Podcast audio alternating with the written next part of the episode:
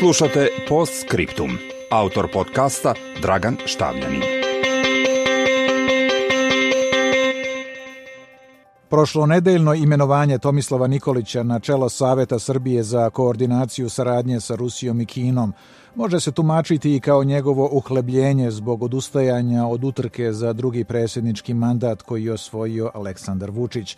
Međutim, od tih balkanskih političkih kombinatorika čiji je cilj i da Vuk bude sit i ovce ostanu na broju, Mnogo je važnije to što formiranje ovog tela nagoveštava dodatno naginjanje Srbije ka istoku, jer uviđe da će morati podugo da pričeka na ulazak u Evropsku uniju.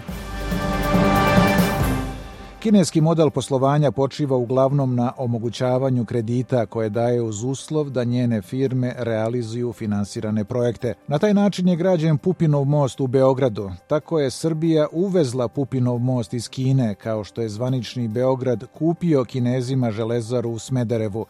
Kina time ostvaruje ogromnu i sigurnu zaradu. Pitanje je šta time Srbija dobija jer će kredite vraćati buduće generacije, a domaće firme uglavnom nisu angažovane. Osim političkih kalkulacija, narodski rečeno, nekod se od tih projekata dobro ovaj dio. Ove i druge činjenice dovode u pitanje uvreženi stereotip u srpskoj javnosti da sunce izlazi na istoku, odnosno o prijateljski nastrojenim Rusiji i Kini sa jedne i nenaklonjenom zapadu sa druge strane.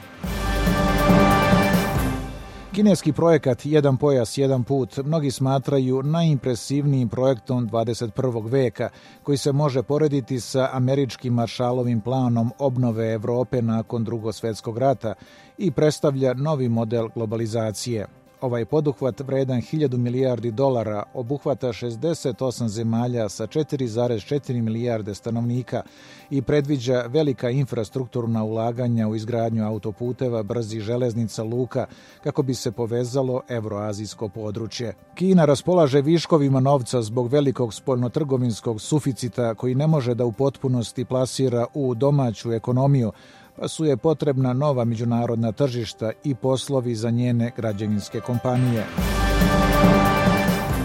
Nakon što je Donald Trump odustao od transpacifičkog partnerstva, Kina nastoji da iskoristi tu šansu i dokaže da je u stanju da preuzme globalno ekonomsko liderstvo, tako što će svi putevi voditi u Peking. Dok se siromašnije države nadaju preko potrebnom kapitalu SAD, Indija, Japan, kineski susedi kao i većina evropskih zemalja, upozoravaju na geostrateške implikacije.